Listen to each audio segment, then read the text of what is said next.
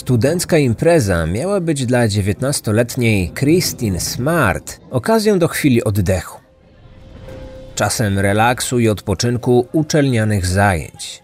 Nauka zawsze była dla niej bardzo ważna, ale tego dnia postanowiła nie martwić się koniecznością przerobienia kolejnego materiału. Książki poszły w kąt. Przecież w życiu nie liczy się tylko edukacja. Rodzice gospodarza wyjechali z domu. Pusta chata, nie mogła się więc zmarnować. Impreza zorganizowana w imieniu Studenckiego Bractwa gwarantowała doskonałą zabawę. Litry darmowego alkoholu, głośna muzyka to wystarczyło, aby każdy poczuł się jak w raju. Gości nie brakowało, a każdy był mile widzianym, nieważne czy znał na imprezie wszystkich uczestników, czy nie znał nikogo. Znajome i obce twarze szybko się wymieszały, śmiechy i żarty, tańce i flirty, dużo dymu i promili. Czy można było nie skorzystać z zaproszenia w takie miejsce? Christine przyszła sama. Nie taki był jej plan, ale w ostatniej chwili jej znajomi się rozmyślili. Dziewiętnastolatka nie zamierzała jednak rezygnować. Tym bardziej, że właśnie takiej odskoczni od uczelnianego życia potrzebowała. Może tylko za bardzo się rozluźniła. Gdy następnego dnia dziewiętnastolatka nie dała nikomu znaku życia, jej bliscy zaczęli się martwić. Szybko zaczęto zadawać sobie pytanie: gdzie jest Christine? Pamiętaj, że na Spotify i YouTube możesz już znaleźć mój nowy wideo podcast Strach Story. Przedstawiam tam prawdziwe historie z życia nadesłane przez słuchaczy. Są to opisy niebezpiecznych i niepokojących sytuacji z wakacji, tramwaju, pracy lub traumatyczne wspomnienia z dzieciństwa. Często przypadkowe zdarzenia, które na dobrą sprawę mogą spotkać każdego z nas. Jak w tych trudnych sytuacjach poradzili sobie bohaterzy historii. Posłuchaj podcastu, aby wyciągnąć ważną lekcję dla siebie. Nowe odcinki Strach Story w każdy czwartek. Link do wideo podcastu zamieszczam w opisie tego materiału. Kryminatorium. Otwieramy akta tajemnic. Urodziła się w Niemczech, gdzie w przeszłości pracowali jej rodzice. Oboje byli nauczycielami w tamtejszej szkole dla amerykańskiej młodzieży. Gdy wrócili do Stanów, osiedlili się w Kalifornii i właśnie tam Christine skończyła szkołę średnią. Kolejnym etapem jej życia stały się studia na Uniwersytecie Stanowym. Była osobą bardzo rodzinną, miała świetne relacje z rodzicami oraz rodzeństwem. Ze wszystkiego im się zwierzała, a oni ufali jej bezgranicznie. Gdy w roku 95 wyjechała z domu, aby rozpocząć naukę na Uniwersytecie Stanowym, bardzo często kontaktowała się z bliskimi. Miała wiele pasji i zainteresowań.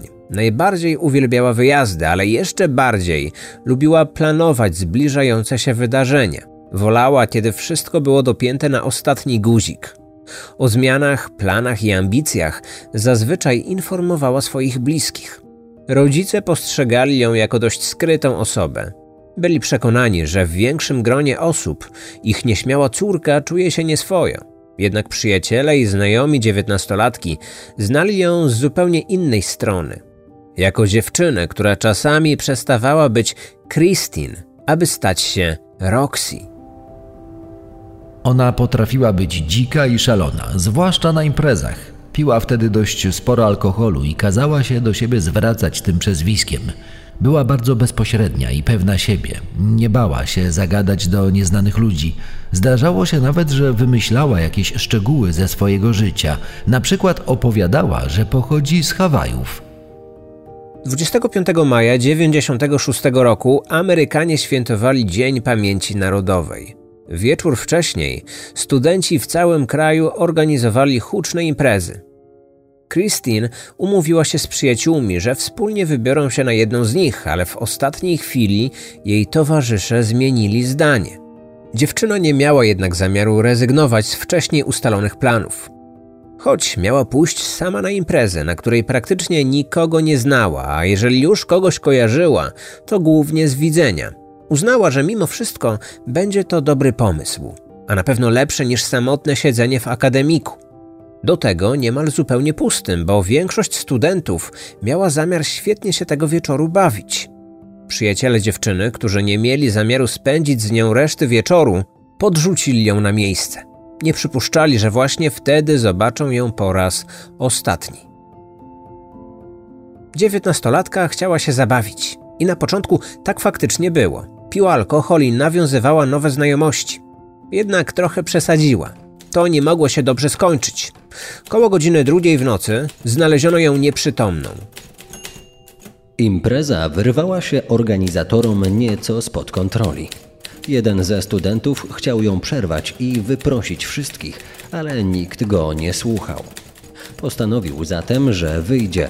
Obiecał jednej ze swoich koleżanek, że odprowadzi ją kawałek do akademika. Kiedy wyszli, zobaczyli nieprzytomną dziewczynę, która leżała twarzą w dół na cudzej posesji. Gdy ją podnieśli, jej twarz wydała im się znajoma.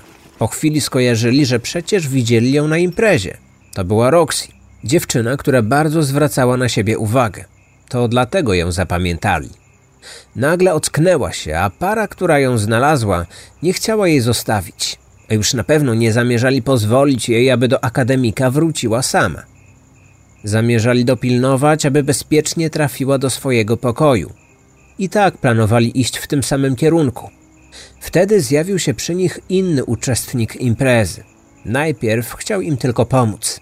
Później uznał jednak, że nie muszą się już kłopotać, że on sam może odprowadzić Christine do akademika. Zgodzili się. Takie rozwiązanie wydawało im się bardzo dobrym pomysłem. Byli przekonani, że chłopak, który zaproponował swoją pomoc, to dobry znajomy Roxy. W końcu widzieli ich razem na imprezie. Dlatego uznali, że Paul Flores był osobą, której mogli zaufać.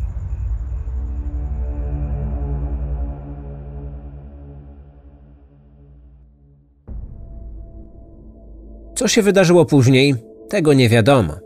Osoby, które mieszkały w tym samym akademiku co Christine, już więcej jej nie widziały.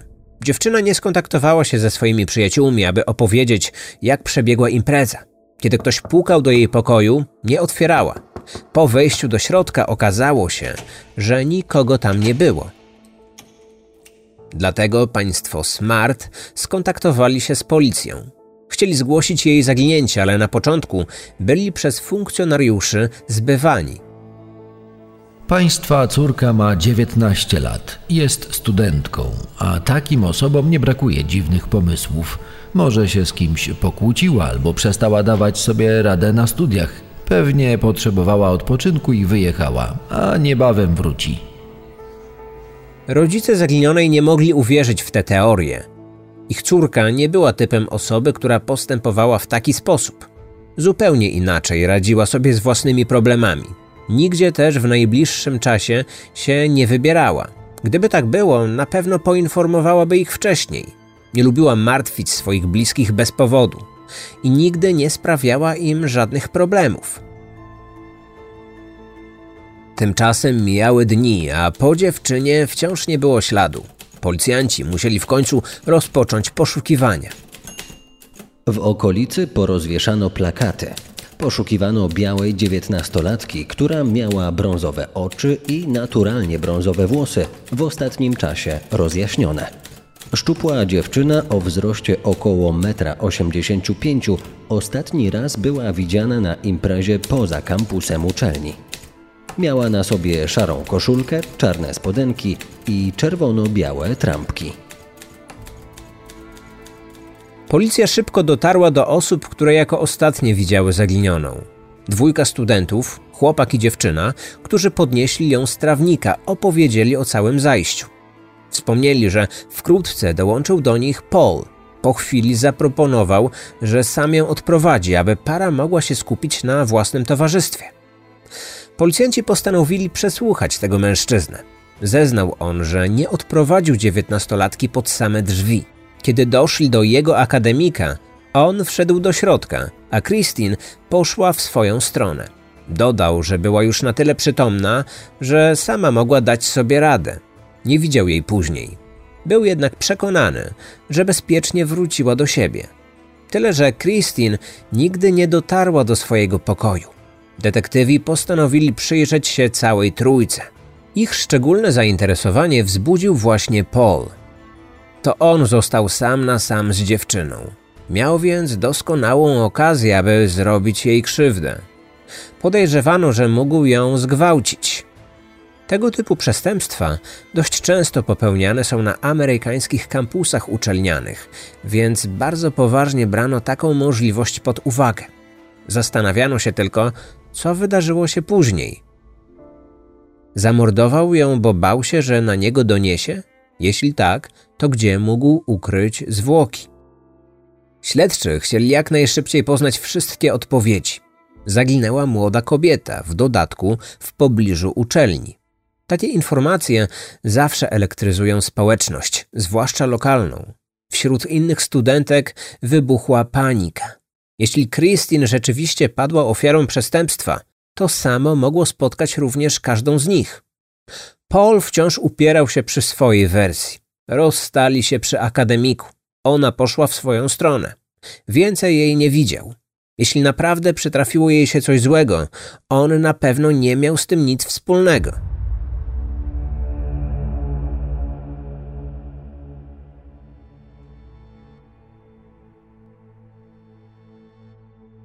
W przypadku zaginięć nie tylko każdy dzień, ale każda godzina i minuta mają ogromne znaczenie. Prowadząc śledztwo w sprawie zniknięcia studentki, śledczy z każdą dobą tracili nadzieję na to, że uda się tę sprawę wyjaśnić. Pod uwagę brano różne scenariusze, nawet takie, które zakładały, że dziewiętnastolatka mogła uciec albo popełnić samobójstwo. Problem był tylko jeden – nie było żadnych dowodów na potwierdzenie jakiejkolwiek teorii. Podobnie było z możliwością udziału w zaginięciu osób trzecich. W kręgu zainteresowania policjantów wciąż znajdował się Paul. To on jako ostatni widział zaginioną. Odprowadzał ją do akademika. Przesłuchiwano go kilkukrotnie, ale on za każdym razem zeznawał to samo. Ale śledczym nie wszystko pasowało w przedstawionej przez niego wersji. Po co miałby proponować innym studentom, że zaopiekuje się dziewczyną i dopilnuje, aby bezpiecznie wróciła do siebie, a później zostawić ją samą na ulicy? Czy osoba, która widziała zaginioną dziewiętnastolatkę jako ostatnia, mogła coś ukrywać? Na podstawie zeznań innych osób, które tamtego wieczoru bawiły się na imprezie, odtworzono mniej więcej, co w tym czasie robiła Christine. Jeden ze świadków przyznał, że trochę z nim flirtowała – Przedstawiła się jako Roxy i choć w ogóle się nie znali, pocałowała go na powitanie. Później chwyciła moją dłoń i pociągnęła za sobą.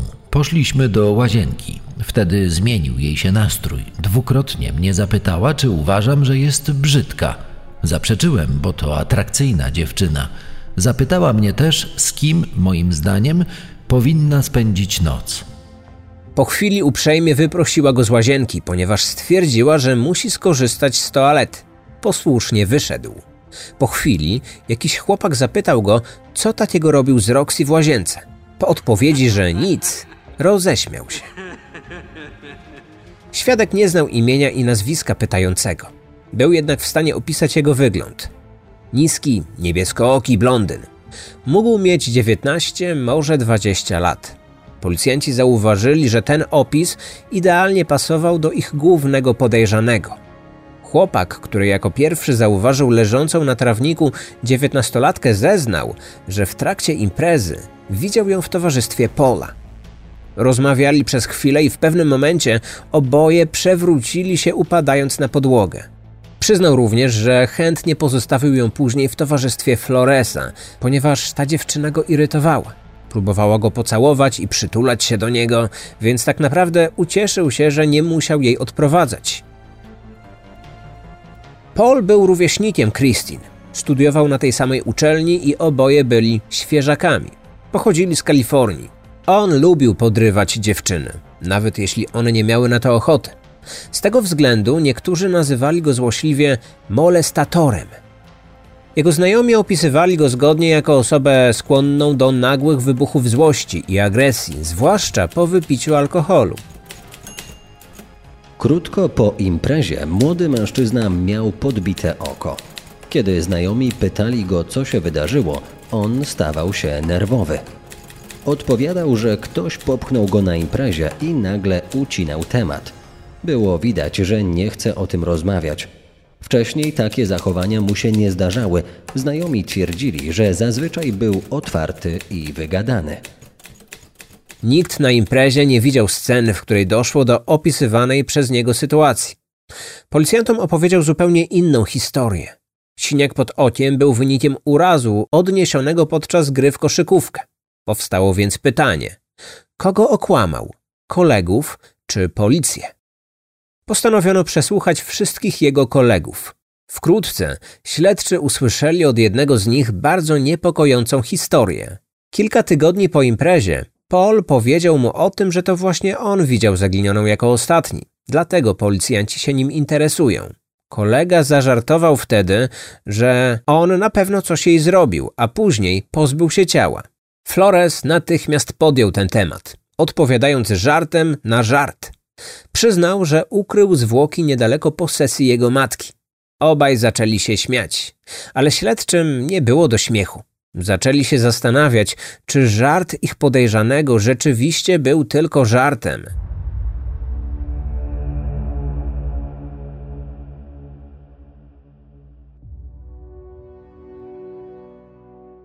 Kilka miesięcy później doszło do przełomu, który położył jeszcze większy cień podejrzeń na Pola. Lokatorka domu, którego właścicielką była matka chłopaka, znalazła na terenie posiadłości kolczyk. Zauważyła na nim ślady czegoś, co mogło być zaschniętą krwią.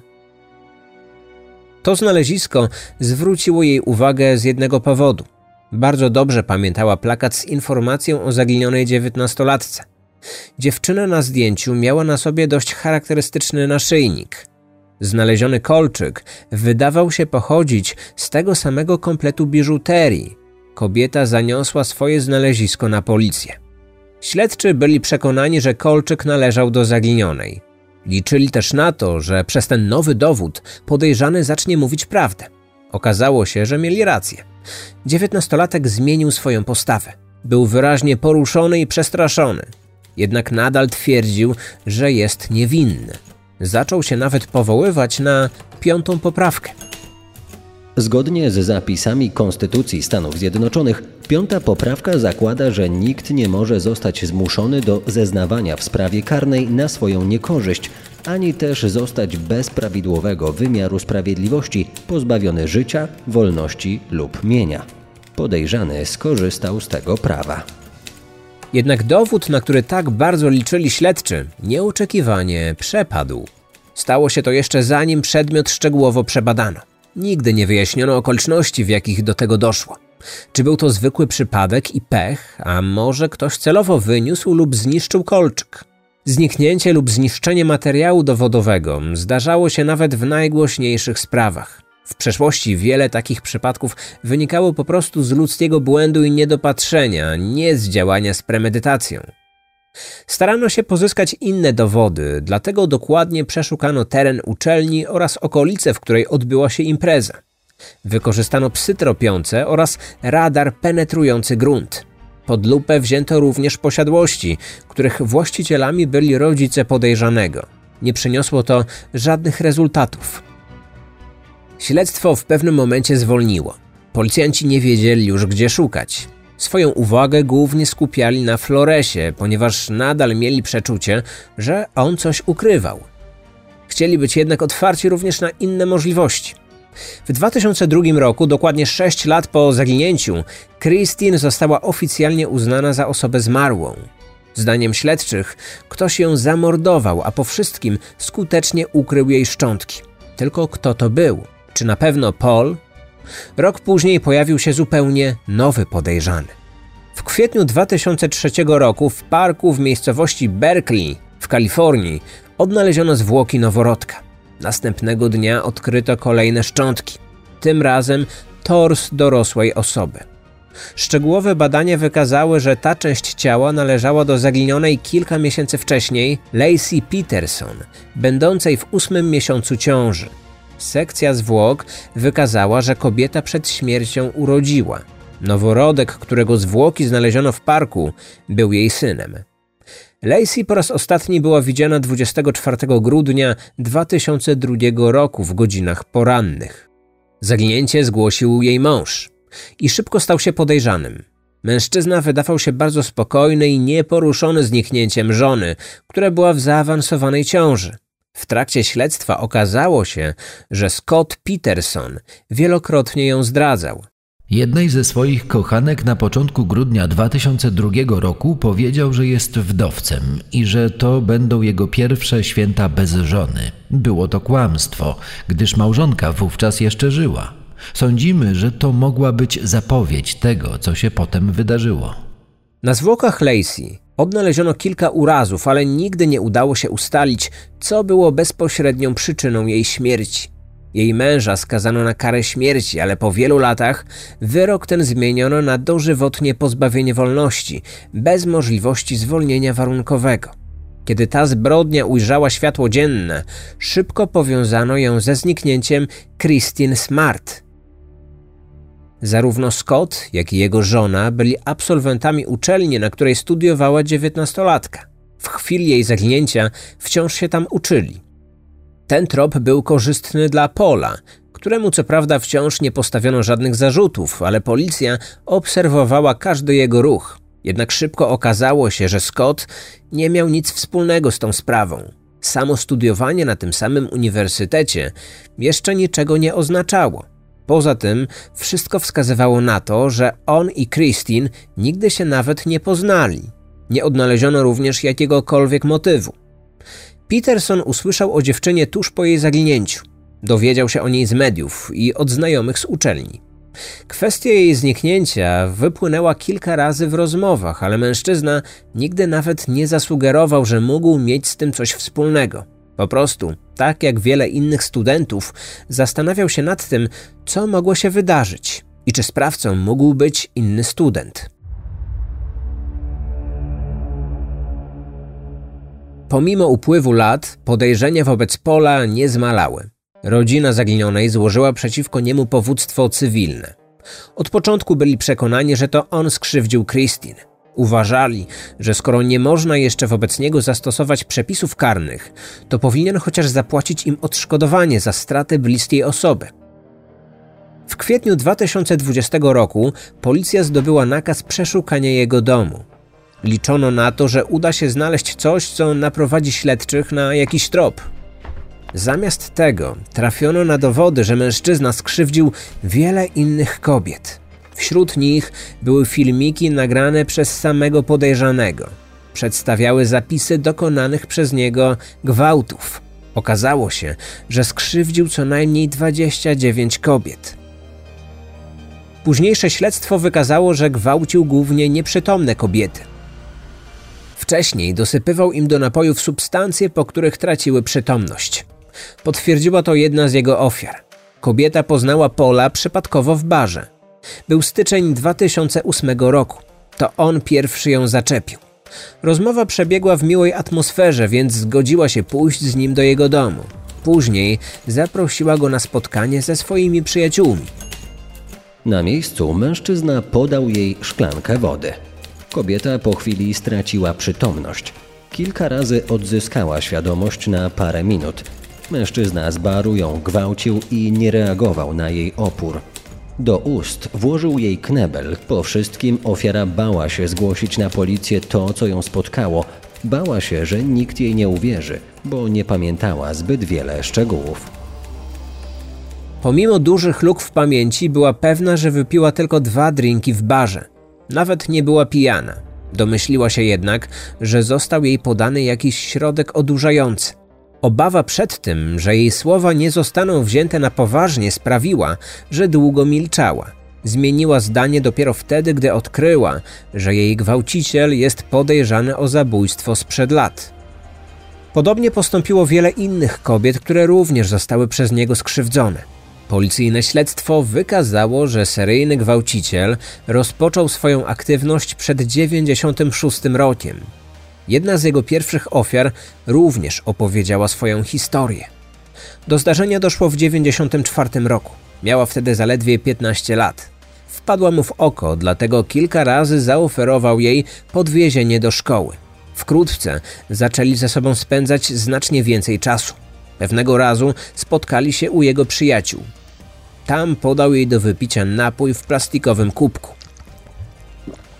Wzięła kilka łyków i nagle straciła przytomność.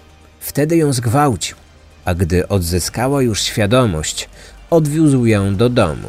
W tym przestępstwie prawdopodobnie uczestniczyli także jego koledzy. Oprócz gwałtów dopuścił się także wielu innych czynów, które można było określić jako molestowanie seksualne. Odkryliśmy, że podejrzany był sprawcą jeszcze innych zdarzeń w czasach licealnych i studenckich. Podczas imprezy halloweenowej w 1995 roku zaczął obmacywać dziewczynę na parkiecie bez jej zgody i dotykać jej miejsca intymne. Na innej imprezie wtargnął do łazienki, w której była jego koleżanka. Zagroził, że ją zgwałci, ale tej groźby ostatecznie nie spełnił. W jego domu poza obciążającymi go materiałami wideo odnaleziono także dziecięcą pornografię. Poza tym zabezpieczono substancję, której używał do pozbawiania przytomności swoich ofiar.